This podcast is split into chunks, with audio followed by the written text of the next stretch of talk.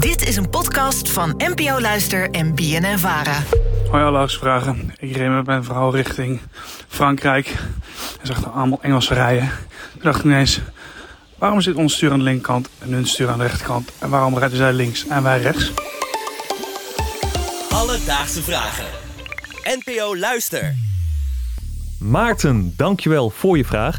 Ja, ik begin deze aflevering met een introductie van Luc, wel bekend als DJ bij 3FM, maar vandaag mijn co-host. Want iedereen bij BNNVARA is geloof ik naar Down the Rabbit Hole geweest en vandaag niet op kantoor. Nee, klopt. Het hele pand is leeg. Ik moest zelf ook de deur open doen. Met, uh, ik had de sleutels meegekregen, een enorme sleutelbos. Van, zoek er maar uit. Wij zijn allemaal nog brak. We zijn allemaal onze, onze tenten te inpakken. En uh, succes met alledaagse vragen. Maar superleuk. Ik vind het echt leuk om hier een keer aan te mogen schuiven. Ja, dankjewel Luc. Ik ben uh, hartstikke blij dat je bent. Dat ik het niet uh, in mijn eentje hoef te doen. Ja, we hebben een verkeersvraag. En normaal zit Merel hier naast me. En dan kan ik heel veel flauwe opmerkingen maken over dat ze haar rijbewijs nog niet heeft. heb jij er wel een? Ja. En heb je ooit links gereden ook? Nee, nog nooit. Ik heb nog nooit. daar ben ik dus nog steeds wel een beetje nerveus voor. Dat ik denk, ik ga, er gaat gewoon een dag komen dat ik of in Groot-Brittannië ben, of in een land waar ze ook aan eh, de verkeerde kant van de weg rijden. Dat ik, ik ben bang dat ik daar meer aan zou moeten wennen dan, uh, dan, dan dat ik nu denk. Ik heb het zelf nooit gedaan, maar als ik zou doen, ik ben er best wel uh, zenuwachtig ja, voor. toch? Door naar de vraag van Maarten. En ja, ik zei het al, het is een echte verkeersvraag. En dat betekent natuurlijk dat het weer tijd is voor... Verkeer en meer met Tom Huiskens. Tom Huiskens. Tom is onze vaste mobiliteitsexpert en weet alles van auto's en verkeer, maar ook van de geschiedenis ervan. En voor een antwoord op deze vraag moeten we namelijk eventjes naar het verleden kijken. En Tom die kan ons vertellen waarom. Nou, dat ze in Engeland links rijden heeft eigenlijk alles te maken met uh, Napoleon. Napoleon Bonaparte. Uh, die heeft namelijk op het vasteland in Europa rechtsrijden ingevoerd. En dat was vooral in de tijd van de transportkarren, de paardenkarren, waar uh, die zonder bok uh, waren uitgevoerd. Dus de, de menner zat niet op de bok van de kar, maar die zat op één van de paarden. En meestal het paard linksachter. En dan had hij ook in zijn rechterhand had hij de zweep. En dan was het natuurlijk niet de bedoeling dat je heel toevallig een tegemoetkomende paardrijder zou raken met die zweep. Dus daarom werd ingevoerd dat je aan de rechterkant moest rijden. Maar Engeland had hij niet veroverd, dus daar zijn ze altijd eh, links blijven rijden. Eigenlijk een hele logische oplossing uh, om het zo in te voeren. Ja, eigenlijk wel. Ik, ik zou het ook heel leuk vinden. Ik weet ook niet precies of het ook zo is gegaan. Maar dat ze dan eerst hebben gekeken, de Engelsen, naar Frankrijk, naar Napoleon. En dan dachten, oh, hij rijdt rechts. Oh, dan gaan wij sowieso links. Maakt niet uit of het onhandig is. Of het... Wij gaan hier gewoon... We gaan niet luisteren naar die kleine Franse opdonder. Wij gaan links rijden. Dat lijkt me heel fijn. Nou, qua die rivaliteit niet. Het zou me niet uh, verbazen Ja, hebben. toch? Dat ze echt gewoon scheid gedaan. Godverdomme, dat gaan we dus even niet doen. Dat gaan we heel anders aanpakken. Inderdaad. Nou, wat het dus wel zo is, Napoleon die heeft het dus ingevoerd. Uh, dat betekende wel dat we eerst allemaal links reden.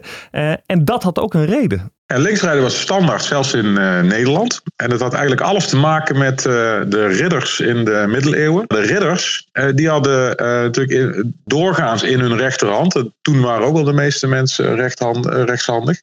Die hadden in hun rechterhand het zwaard of de lans. Dus ze zaten op het paard. En met hun linkerhand hielden ze de teugel vast. En met hun rechterhand het zwaard of de lans om aan te vallen. En dan is het dus handig als je aan de linkerkant van een weg, voor zover die toen bestonden, uh, rijdt. Ah, dus we zaten wel eerst links. We zaten inderdaad eerst links. Dat was een beetje de standaard.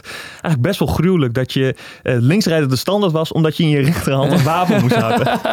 dat is nu niet meer echt de standaard. Hè? Ja, nee, ik moet maar rechts moet ik schieten, dus ik moet links moet ik rijden, dan uh, komt het helemaal goed. Drive-by. ja, nou inderdaad, ja. Oh, wat interessant, wat leuk. Terug naar het verhaal van Napoleon, want nadat hij verslagen werd, kreeg het verhaal over links en rechts rijden alsnog een staartje. Toen Napoleon vertrok, of toen hij verslagen was, uh, toen waren er heel veel gebieden in Europa die uh, weer uh, teruggingen naar links rijden. En ook in Nederland. En zelfs tot 1917 zelfs is in Rotterdam nog links gereden. Pas toen werd dat opgeheven in, in Rotterdam. En dan kun je je voorstellen, toen waren er ook al auto's. En eh, dat leverde natuurlijk ook een heleboel problemen op met de rest van Nederland. Als dan een, op één plek of bepaalde plekken eh, links moest worden gereden. Dat is natuurlijk chaos alom. En zelfs in Zweden, ik weet even niet uit mijn hoofd of eh, Napoleon ook Zweden had veroverd. Maar in Zweden is pas eind jaren 60 officieel ingevoerd dat daar rechts moest worden gereden. Terwijl daarvoor al heel lang, bijvoorbeeld in buurlanden Noorwegen en Finland, wel rechts werd gereden. 1917 in Rotterdam? Ja. Dat is echt dat is best wel laat eigenlijk. Ja, dat is nou, net iets meer dan 100 jaar Ja. geleden. Ja. Waar we het ook nog eventjes over moeten hebben. ehm, we hadden natuurlijk in de 19e eeuw eh, het kolonialisme. En eh, ook daardoor zijn heel veel landen nu bijvoorbeeld nog steeds links aan het rijden. Ehm, Engeland was natuurlijk een koloniale grootmacht. En die hebben hun ideeën ja, eigenlijk overal verder verspreid. En daarom zie je bijvoorbeeld nog steeds in India en nog tal van andere landen dat ze nog steeds links rijden. Dus Maarten, in deze aflevering zochten we voor je uit waarom ze in sommige landen links rijden en in andere landen rechts. En dat heeft alles te maken met Napoleon Bonaparte. In de landen die hij veroverd heeft, voerde hij namelijk in om verplicht rechts te rijden. En dit hebben die landen vervolgens ingevoerd bij hun koloniën, waardoor dit systeem zich verspreidde.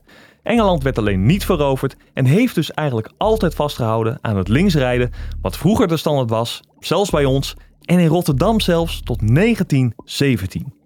Heb jij ook een vraag? Stuur ons dan een berichtje op Instagram. Dat kan naar Alledaagse Vragen. Maar je mag ook een mailtje sturen naar alledaagsvragen.bnnvara.nl en dan zoek ik het voor je uit.